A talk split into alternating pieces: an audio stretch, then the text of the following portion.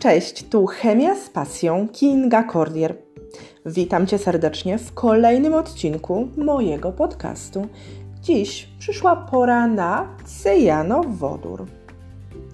Cyjanowodór to nieorganiczny związek chemiczny, który jest bezbarwną lub jasno-niebieską lotną i silnie trującą cieczą.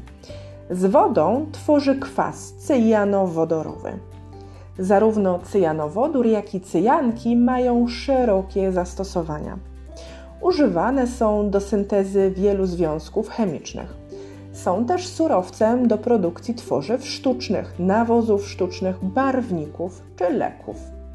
W tym podcaście chciałabym przedstawić możliwość zatrucia się cyjanowodorem w wyniku pożaru, bo zazwyczaj mówi się o zatruciu tlenkiem węgla 2 a cyjanowodór jest obok znanego nam wszystkim doskonale czadu najbardziej toksycznym składnikiem dymu pożarowego.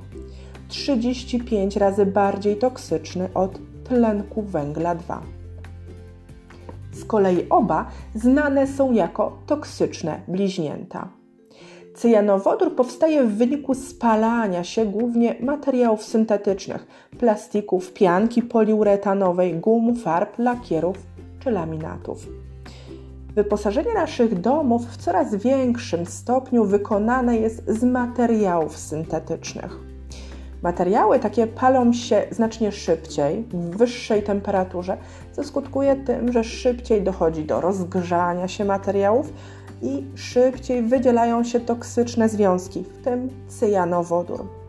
Cyjanowodór jest ubocznym produktem termicznej degradacji materiałów syntetycznych i naturalnych, tych, które zawierają azot.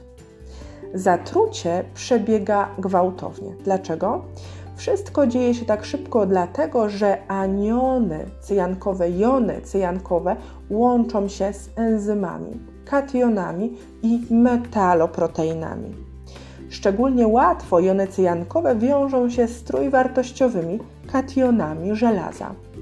W efekcie blokuje to dostarczanie tlenu z oksyhemoglobiny do tkanek.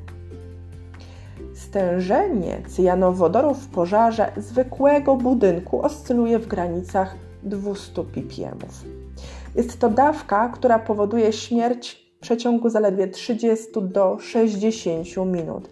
Największe stężenia powstają, gdy pożar obejmuje małe i zamknięte pomieszczenia.